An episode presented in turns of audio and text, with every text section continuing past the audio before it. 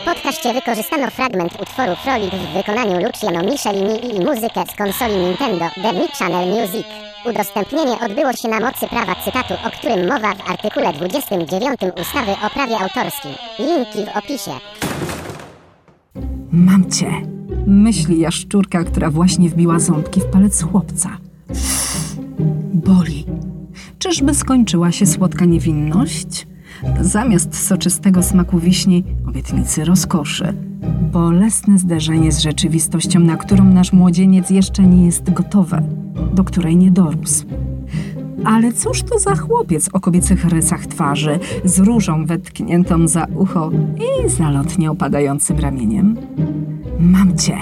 Myśli Caravaggio, który właśnie złapał nas, widzów, w swoje sidła. I nim zaczniemy. Jeżeli podoba Ci się to, co robię i chcesz rozpocząć ze mną zawodową współpracę, napisz do mnie na fejsie lub na Insta.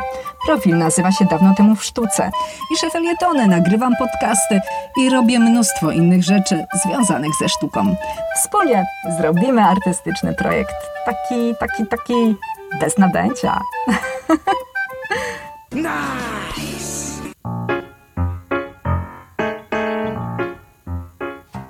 Na kogo patrzy chłopiec gryziony przez jaszczurkę? Co widzi narcyz w lustrze wody?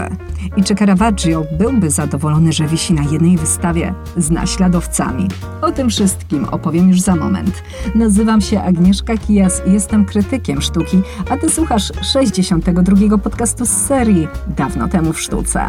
Czyli wszystko, co chcesz wiedzieć o malarstwie, ale bez nadęcia. Dzień dobry wieczór. Witam cię serdecznie, moja droga słuchaczko i mój drogi słuchaczu. Zapraszam cię do mojej szafy, gdzie wraz ze mną rozsiadł się już tutaj Caravaggio. Artysta niepokorny, który z jednej strony malował najpiękniejsze sakralne obrazy, które do dziś zdobią ściany najznamienitszych świątyń, a z drugiej wszczynał burdy i dawał popysku każdemu, kto mu się nawinął pod rękę i to pod najbardziej błahym pretekstem. No, jak choćby karczochy. A Caravaggio siedzi w mojej szafie, ponieważ całkiem niedawno wybrałam się do Warszawy, gdzie razem z Olą Wójcik z podcastu Kobiecość w Eterze szalałyśmy po galeriach i wystawach. Głównym punktem i powodem tej mojej wyprawy była wystawa Caravaggio i inni mistrzowie, jaka do 10 lutego prezentowana jest na Zamku Królewskim w Warszawie. Zatem masz jeszcze czas, by ją zobaczyć, a ja ci powiem, czy warto. Zwłaszcza, że wystawa ta wzbudza wiele emocji, nierzadko skrajnych. Dlaczego? Po pierwsze, cała wystawa sprzedawana jest pod hasłem Caravaggio i choć w tytule pojawiają się ci inni mistrzowie, to i tak nazwisko genialnego skandalisty, który z równą brawurą posługiwał się mieczem, co pędzlem, jest głównym wabikiem na widzów. Nie czarujmy się. Sama pojechałam do Warszawy głównie po to, by zobaczyć Caravaggio, ale sęk w tym i myślę, że to jest powodem całej tej dysproporcji pomiędzy tym, jak się te wystawy sprzedaje marketingowo, a tym, co tak naprawdę dostajemy, że prezentowane są tam tylko dwa obrazy Caravaggia. Reszta to płótna tych, co tworzyli równolegle z nim, ciut przed lub ewentualnie po nim. Co więcej, jeżeli ktoś miał takiego pecha, że wybrał się na zwiedzanie w pierwszych tygodniach trwania wystawy, to zobaczył tylko jeden obraz chłopca gryzionego przez jaszczurkę, bo dopiero później, kiedy był już gdzieś tak koniec listopada, jak dobrze pamiętam, dołączył do niego narcyz u źródła. Powiem wprost, dla niektórych może to być za mało, zwłaszcza, że są to młodzieńcze prace Caravaggia i choć widać w nich rękę mistrza, to nie mają jeszcze tego pazura, tej brawury, tej takiej bezczelności, bo do tego wszystkiego Caravaggio musi jeszcze dorosnąć. Na razie jest młodym chłopakiem, który tyle co przybył do Rzymu, a jaki to jest ten Rzym? Ano brudny, spocony, pełen szemranych zaułków, gdzie można zarobić kosę w brzuch. Od tak, za byle co. Pełno tu rabusiów, pełno tu ochlaptusów, oszustów karcianych i dam lekkich obyczajów, które gotowe są spełnić najwymyślniejsze fantazje klientów. No, za odpowiednią opłatę. I właśnie do takiego Rzymu przybywa Caravaggio, a tak po prawdzie Michelangelo Merisi da Caravaggio. Przy czym w istocie to Caravaggio to nie jest jego nazwisko, a nazwa miasteczka w Lombardii, w której się urodził. Otóż, co zresztą ma zastosowanie w wielu przypadkach, na przykład w wypadku Leonarda da Vinci, ten przydomek da oznacza tyle co z miasta, w tym wypadku z miasta Caravaggio. Natomiast Caravaggio tytułu nie miał, nazwiska nie miał, bo nie był szlachetnie urodzony, ale pochodził z dość przeciętnej rodziny, bo nie był ani bogaty, ani biedny. Szybko został sierotą, bo najpierw, gdy był dzieckiem, odszedł jego ojciec, a potem matka. Miał wtedy 19 lat. I to był ten moment. Ten moment, w którym zdecydował się, że on musi opuścić Caravaggio i wyruszyć w świat. Początkowo pojechał do Mediolanu, a potem, jak każdy, kto przejawiał zdolności artystyczne, ruszył na Rzym. Co ciekawe, Caravaggio przyjechał do Rzymu goły i wesoły i to dosłownie, to nie jest jakaś gra słów, on po prostu został napadnięty i tak na dzień dobry go skroili. A koszulek, którą później się ubrał, pożyczył mu bezdomny. Potem prawdopodobnie zasiadł do stołu, była pewnie jakaś gra w karty i po kilku partyjkach już mógł razem z nowo poznanymi koleżkami wspólnie wynająć tani pokoik. Towarzystwo jest takie spod ciemnej gwiazdy, bo w życiu Caravaggia jest sporo taniego alkoholu, szemranych interesów i łajdackich wybryków. On nie ma grosza przy duszy, on nie ma też często co jeść. To dzięki sprytowi, bo to był bardzo bystry i łebski facet, a także no, niejasnym do końca pożyczkom, udaje mu się zaciągnąć do pracowni mistrza Kasari, pod okiem którego terminuje. Tam dowiedział się też, żeby zostać wielkim artystą, powinien zacząć od przerysowywania starych rzeźb, a później musi wziąć się za starych mistrzów. Tylko w ten sposób, gdy pokornie będzie kopiował linię po linii, nauczy się rzemiosła. Mhm, jasne. Caravaggio mówi boja i maluje siebie jako Bachusa, boga wina. Oj, ten Bóg jest mocno skacowany. Ma spuchnięte oczy, ziemistą i lekko zielonkawą cerę, a przez to więcej w nim człowieka niż z nieśmiertelnego Boga. No, nawet winogrona, jakie trzyma w ręce, są też mocno po terminie ważności. Wszystko tu się psuje, niszczeje, choruje. Mm, tak odważna wizja sprowadzenia bóstwa do roli schorowanego pijaczyny nie mogła umknąć uwadze wybitnego konesera sztuki, kardynała Francesco Mari del Monte. To właśnie on postanowił dać szansę młodemu chłopakowi. Stwierdził, że wyciągnie Caravaggia z zapchlonych spelun i wprowadzi do papieskiego Rzymu. I to właśnie ten kardynał najprawdopodobniej zamówił u Caravaggia chłopca gryzionego przez jaszczurkę, czyli obraz, który aktualnie można zobaczyć na Muzeum Zamkowym w Warszawie. Ja oczywiście nie mogłam sobie odmówić tej przyjemności, by stanąć z nim twarzą w twarz. A że towarzyszyła mi Ola Wójcik, też podcasterka, to miałyśmy ze sobą mikrofon i udało się to spotkanie zarejestrować. Ale Wstrzymaj jeszcze, konie. Pozwól, że przeprowadzę cię przez to muzeum tak, jak ja sama je zwiedzałam, a uwierz mi, że na zwiedzaniu, no, to ja się znam. No dobra, zaczynamy. Pewnie jesteś ciekawa, gdzie jesteśmy. Zupełnie nie mam pojęcia. Najzabawniejsze jest to, że przecież ty mnie tu przyprowadziłaś, bo jesteśmy w Muzeum Zamkowym w Warszawie, ale tak naprawdę przenosimy się nieco w czasie za sprawą wystawy, która jest tutaj prezentowana pod nazwą Caravaggio i inni mistrzowie. I faktycznie w tym momencie zaczynamy od tych innych mistrzów, bo do samego Caravaggia przejdziemy za moment. Czekają na nas dwa obrazy, a tu w tej sali wita nas jedno z wyobrażeń Judyty, która właśnie trzyma w dłoniach, w ręce głowę Holofernesa. Historia jest biblijna, czyli przenosimy się w czasie już tak dosyć, dosyć mocno. I polegało to na tym, że król Nabuchodonozor, który tak naprawdę potrzebował pomocy na wojnie, zwrócił się do władców państw ościennych, żeby oni przybyli mu z pomocą i na ratunek. Niestety nie udało się, nikt nie odpowiedział na apel króla, on pozostał sam, ale udało mu się mimo wszystko wojnę wygrać. Zemsta jest słodka. Chciał podbić wszystkie kraje, które mu się sprzeciwiły i które wcześniej nie wyszły mu z pomocą. I tym krajem, jednym z nich był właśnie ten, w którym mieszkała Judyta. Przepiękna kobieta, taka femme fatale, która była wdową. Mamy tutaj wątek kobiecości w eterze. Kobieta na obrazie Bardzo e, silna. Można powiedzieć, że epigona Caravaggia. No Kontynuatora. W 1550 roku, zatem to jest ten moment na osi czasu, jeżeli chodzi o, o. I piękna Judyta dowiaduje się o tym, że miasto jest oblężone, nie da się z tego miasta wydostać. Co robić? Przebrała się w najpiękniejsze szaty. I biżuteria jest niesamowita. Tak. Ciało oczywiście pokryła wonnymi olejkami i jako taka cudowna nimfa przedostała się do obozu wroga. I mówi, słuchajcie, ja wam powiem, jak napaść na moje miasto, a że jej czar był tak obezwładniający, że sam Holofernes, czyli dowódca, który prowadził atak, pod tym czarem uległ, odbyła się impreza, się jadło, się piło i w trakcie tej zabawy Holofernes przeholował z I stracił głowę. Tak, i tylko na to czekała Judeta. Kiedy on już był pewny, że będzie mógł dobrać się do jej wdzięków, padł, zasnął i wtedy ta piękna, rzekomo bezbronna kobieta wzięła miecz i ciach. Nie wiesz nigdy kobiecie. Po prostu stracił głowę dla kobiety.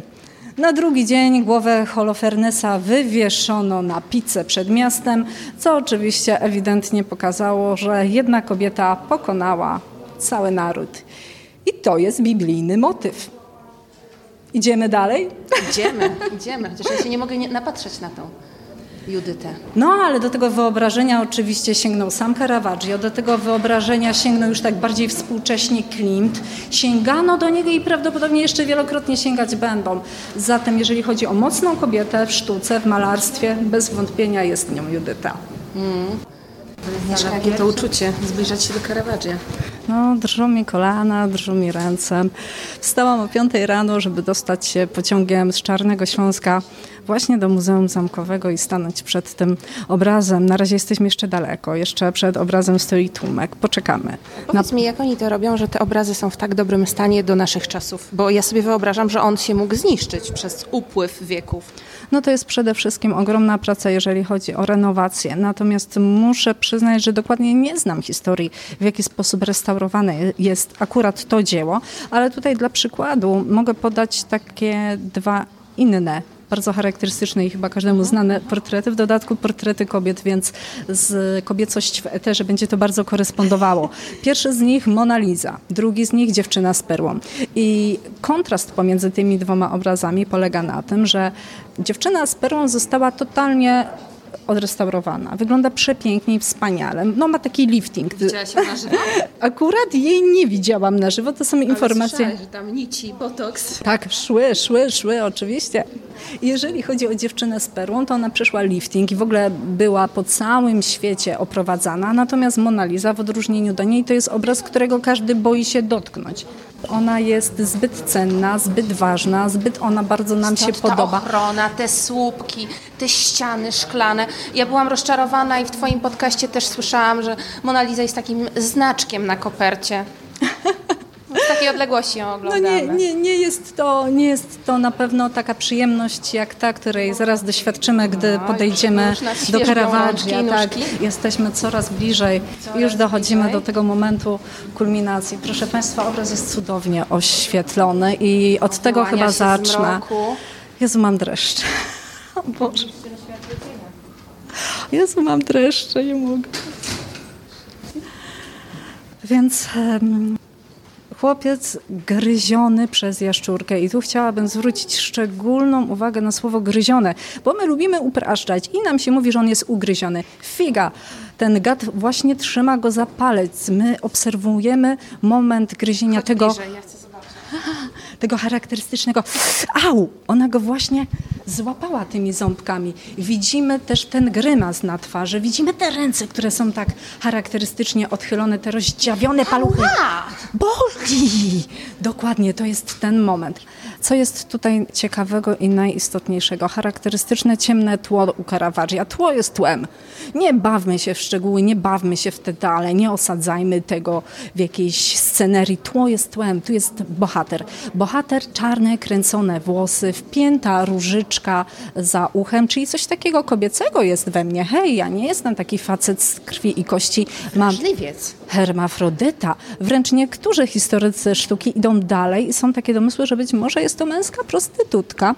Biorąc jeszcze pod uwagę pewne preferencje Caravaggia, no kto wie, być może opadające z ramienia szaty, taka biała szata mu opada z ramienia, na drugim ramieniu też takie omotane, ciemne tkaniny i Całe mistrzostwo polega na tym grymasie, który nie jest przecież piękny. Myśmy przyzwyczaili się do tego, że jak patrzymy na portrety, to one są takie wyidealizowane. No sorry, chciałabyś, żeby ktoś zrobił ci takie zdjęcie i wrzucił na Insta? No bo ja nie, więc on nie wygląda tu dobrze, krótko mówiąc. Czyli to było nowatorskie, że on właśnie taki gest przedstawił. I mamy tu utratę niewinności. On jeszcze przed chwilą nie wiedział, co to znaczy ból. Sięgał sobie po te wiśnie, no, które bądź co bądź e, w czasach Caravaggia miały bardzo silny podtekst seksualny i tak sobie chciał troszeczkę tej rozkoszy doznać, a zamiast rozkoszy spotkała go jednak bardzo bolesna niespodzianka. Ta scena jest metaforyczna tak naprawdę? No jak wszystko u Caravaggia, przecież sztuka to poezja i tutaj tej poezji trzeba się doszukiwać. Na stole stoi szklany wazon, szklane naczynie. W tym naczyniu również odbija się nam nasz bohater. Tam jest jego... kawałek jego okna. I kawałek okna. Chciałabym podejść bliżej, żebyśmy jeszcze się czegoś może podoszukiwali. Wychylić. tak, wychniemy przez tę tu barierkę, która nas odgradza od dzieła mistrza i w tym mm, szklanej kuli, ja to tak nazwę, z wodą, największy rywal i konkurent, ale jednocześnie naśladowca za czasów Caravaggia, Giovanni Bailone, doszukiwał się tego największego mistrzostwa. On mówi, no kurczę pieczone, on namalował czysty wazon. Jak on to zrobił, że ten wazon jest czysty, że Przezroczystą farbą. no, że nie ma ani jednego odciska palca, że nie jest zabrudzony. Ja, przecież nie ma czystych wazonów na tym świecie, a tutaj proszę jest. Y, Bardzo ładny pani zrobiła wykład przedstawiający treść tego obrazu, ale jeśli chodzi o geometrię tego dzbanka szklanego, to on jest geometrycznie położony, bo y, te patyki to co to są? To są y, patyki od róży i listek od róży, czy na przykład mogą być to sztalugi? Bo okno jest, prawda? Czyli jego pracownia. No i pomiędzy Caravaggiem a Giovanni Bailone trwała dosyć mocna konkurencja. Caravaggio to był tak naprawdę blokers, bo my musimy pamiętać, że to nie był taki artysta delikatny, to nie był W taki... dzisiejszych czasach robiłby piękne graffiti. W dzisiejszych czasach to ja myślę, że on by chodził z baseballem po mieście, bo w tamtych to jego nazwisko bardzo często pojawiało się w raportach policji i on chodził z mieczem po prostu, z bronią po mieście, wymachiwał ją i wymierzał nią kary. Swoją drogą to jest artysta, który wszczynał wiele burt i to jest artysta, który zabił. To jest cały Caravaggio. Dla mnie naturalnym byłoby, gdyby ten zwierz, jaszczurka wspaniała, y, atakowała, bo atakuje. No to jaka jest reakcja człowieka w normalnej sytuacji? Patrzy, co go atakuje. On widzi znacznie coś bardziej gorszego niż ta jaszczurka.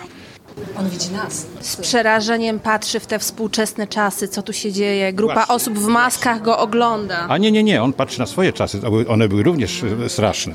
Ale y, jest to rzeczywiście świetna rzecz i warto było tu przyjść. I wysłuchać również pani. No, dziękuję bardzo. A teraz, Olu, wyłącz ten mikrofon. Ja muszę zobaczyć ten obraz. O, a ten męski głos to był pan Edward, jak się okazało malarz, który do nas podszedł, zagadał i to jest cudowne, cudowne, że sztuka łączy, że obcy sobie ludzie z dwóch końców kraju spotykają się przy obrazie, który powstał 425 lat temu i zaczynają o nim rozmawiać, od tak jak, jak starzy, dobrzy znajomi. Okej, ale czy to jest na pewno oryginalny chłopiec gryziony przez jaszczurkę. To był drugi powód, który wywołał dość sporą dyskusję wokół wystawy, bo nie dość, że do pewnego momentu na zamku można było zobaczyć tylko ten jeden obraz, to jeszcze pojawiły się głosy, że to kopia. Otóż zapewniam, że nie. Owszem, Caravaggio namalował dwa takie obrazy. Oryginał, który znajduje się w zbiorach Fundacji Roberto Longhi we Florencji, jest właśnie teraz prezentowany w Warszawie. Natomiast jego bliźniak, czyli właśnie replika, na co dzień wisi w National Gallery w Londynie i to jej autentyczność bywa kwestionowana. Zatem spokojnie, bo to jest ten Caravaggio. Caravaggio z krwi i farby. Ale zostawmy już chłopca i chodźmy przyjrzeć się w sadzawce, nad którą właśnie pochyla się Chodzi o mit o narcyzie. Matka narcyza, kiedy on się urodził, poszła do wieszcza i ten wieszcz powiedział, że narcyz umrze z chwilą, gdy sobą się zachwyci. Dlatego z domu usunięto błyszczące srebrne tace, usunięto lustra. Chłopiec nie mógł chodzić nad wodę. To brzmi jak pierwowzór bajki o śpiącej królewnie. Coś jakby. A to było napisane, jak dobrze pamiętam, w 50 roku przed naszą erą i my o tym sobie dzisiaj rozmawiamy, stojąc przed obrazem Michelangelo Merisi da Caravaggio, czyli Caravaggia. I dzieje się tak, że Caravaggio w momencie, gdy sięgał po ten motyw, mógł mieć w głowie dwie historie.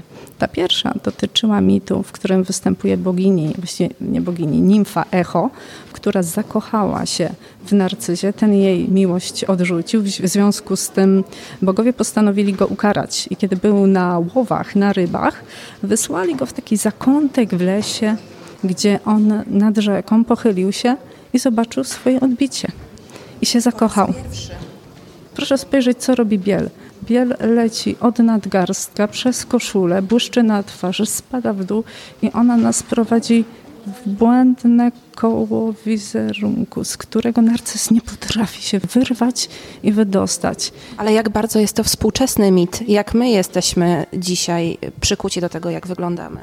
Z tego mitu oczywiście wyrosła cała historia e, dotycząca zaburzenia osobowości narcystycznego, czyli to pojęcie narcyzmu w znaczeniu niezdrowej miłości do samego siebie, a także pewnej przemocowej postawy względem innych. Natomiast nie idźmy w psychologię. Chwyćmy się może tego, że narcyza spotkał bardzo smutny los, bo on umarł, patrząc na siebie, nie mogąc uwolnić się od swojego spojrzenia. Tutaj jeden z panów miał taką fajną interpretację, że ręka, którą on chce zaraz zburzyć wodę, z jednej strony jest w takim dramatycznym geście. On nie chce na siebie patrzeć, ale jednak nie jest w stanie chyba tej ręki przesunąć. On jest uwięziony jest więźniem swojego własnego oblicza. Więc czy on się tak nad sobą zachwyca i mówi takie ochy i achy, czy on po prostu w tym momencie strasznie cierpi, nie mogąc oderwać się od tego wizerunku.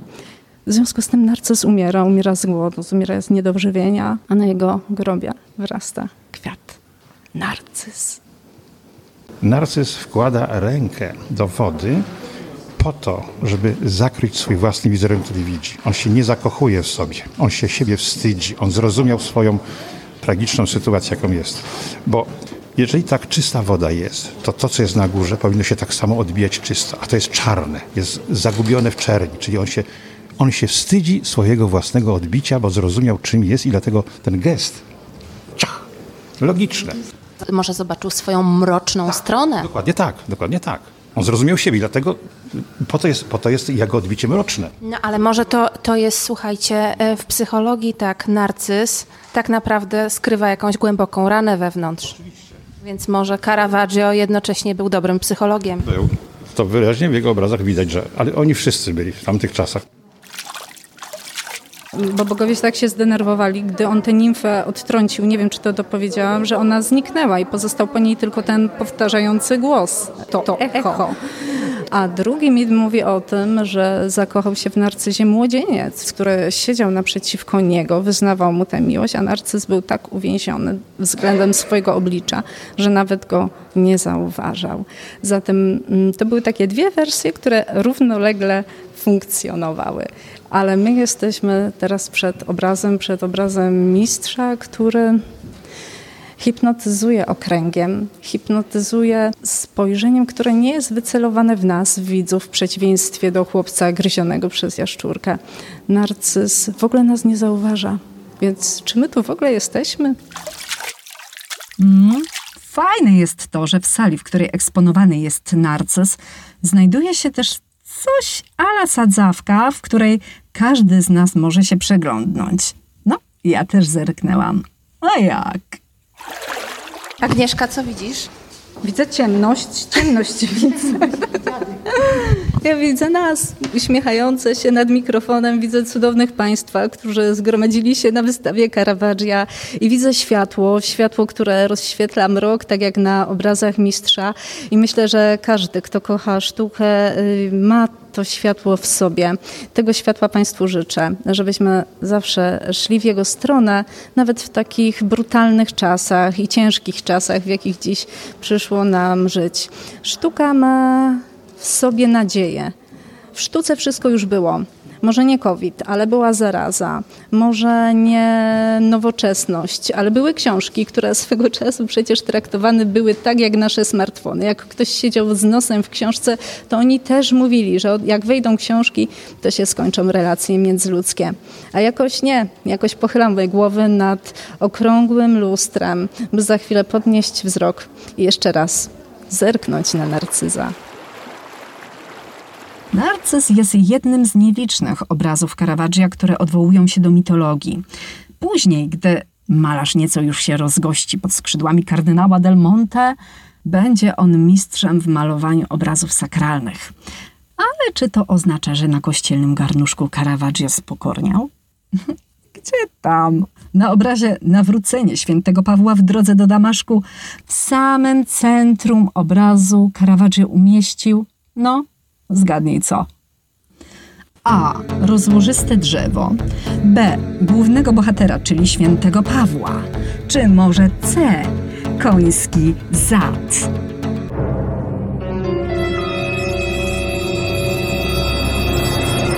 No, oczywiście, że zad. I to jeszcze na dodatek skąpał go w świetle, gdy zleceniodawca zapytał: Ej, dlaczego umieściłeś konia na środku obrazu, a święty leży na ziemi?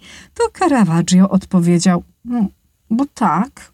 No to posypały się gromy, bo zleceniodawca krzyczał, czy koń w takim razie jest Bogiem i jak on w ogóle tak mógł.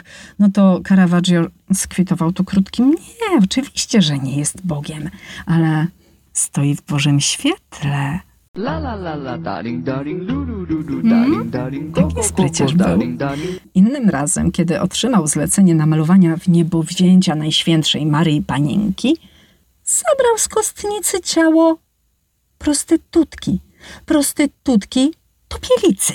I przerobił ją na Madonnę. W dodatku jego Maryja, zamiast unosić się do nieba w towarzystwie chórów anielskich i niebieskich obłoczków, skonała na łóżku po ciężkiej chorobie.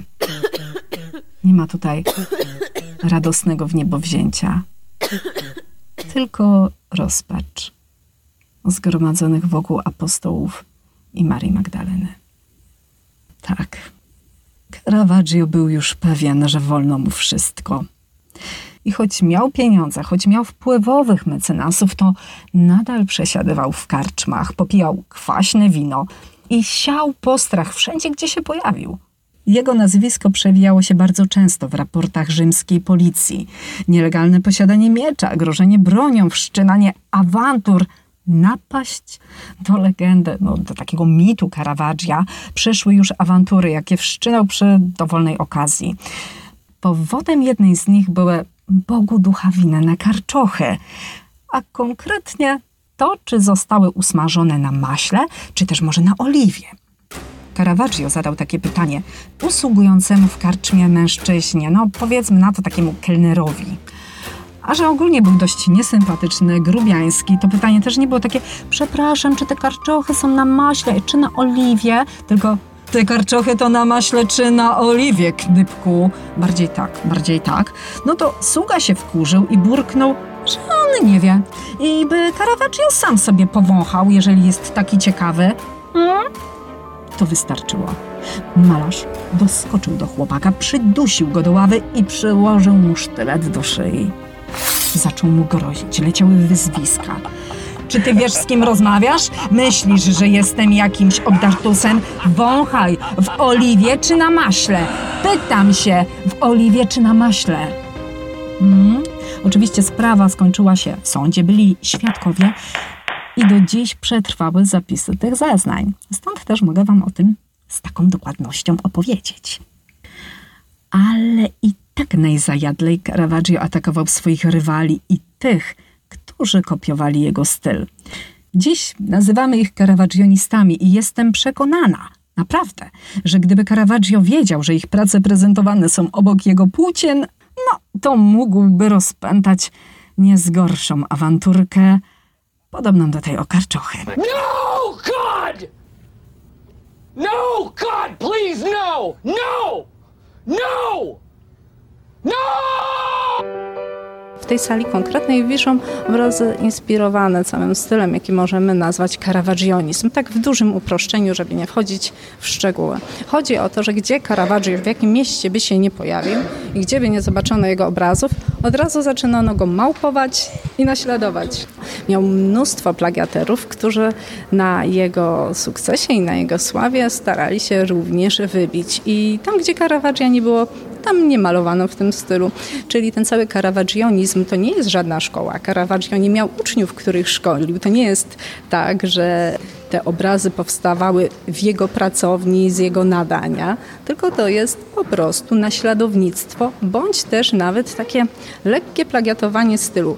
Caravaggio był o to wściekły, on się o to bardzo awanturował i jeżeli takiego caravagionistę spotykał na mieście, a miał przy sobie szpadę, to jej dobywał. A co na to wszystko kardynał? A no nic. Przymykał oko na wyskoki podopiecznego, bo na Boga, jak on malował. Artysta miał tyle samo zwolenników, co przeciwników, podczas gdy jedni doceniali go za dramatyzm, inni uważali, że jest wulgarny. Ale tak czy inaczej nie można mu było odmówić oryginalności i tupetu. Caravaggio szalał na płótnie i w Rzymie do czasu. Wszystko zmienił przypadek. Od zwykła bójka o dziewczynę, która tym razem miała niespodziewane zakończenie. Ale o tym opowiem innym razem.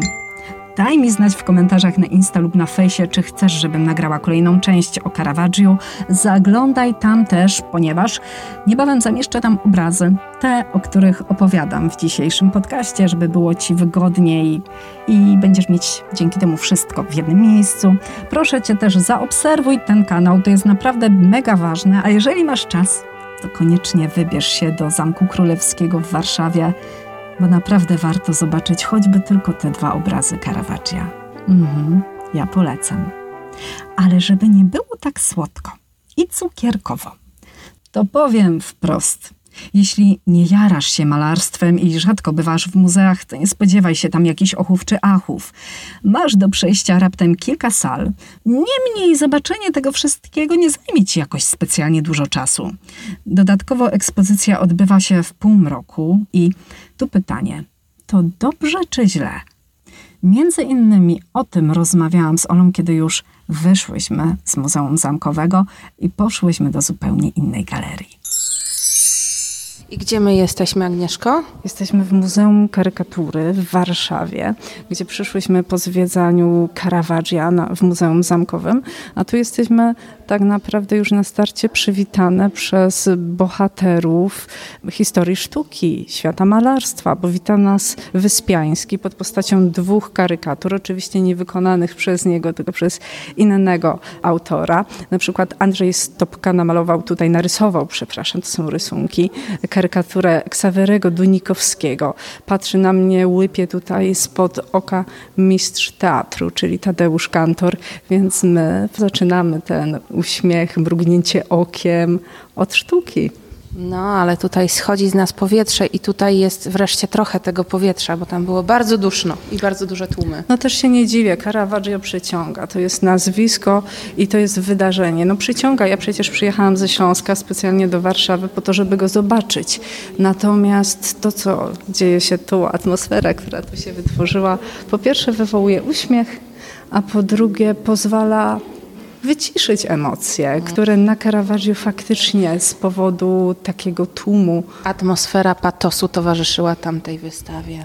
Tak, one są pięknie podświetlone, natomiast ja zawsze mówię, że takie stworzenie takiego półmroku, podświetlenia tych obrazów wytwarza także zawsze taką atmosferę teatralizacji. I z jednej strony to jest dobrze, na przykład jak sobie pójdziemy i zobaczymy obrazy Marka Rotki, które są zawieszone w półmroku, on tak sobie życzył, żeby one były wywieszone, to my czujemy się jakbyśmy weszli do mi- mistycznej kaplicy. Natomiast niektórym wystawom to światło robi dobrze, niektórym szkodzi. Trzeba tu bardzo mądrze tym dysponować.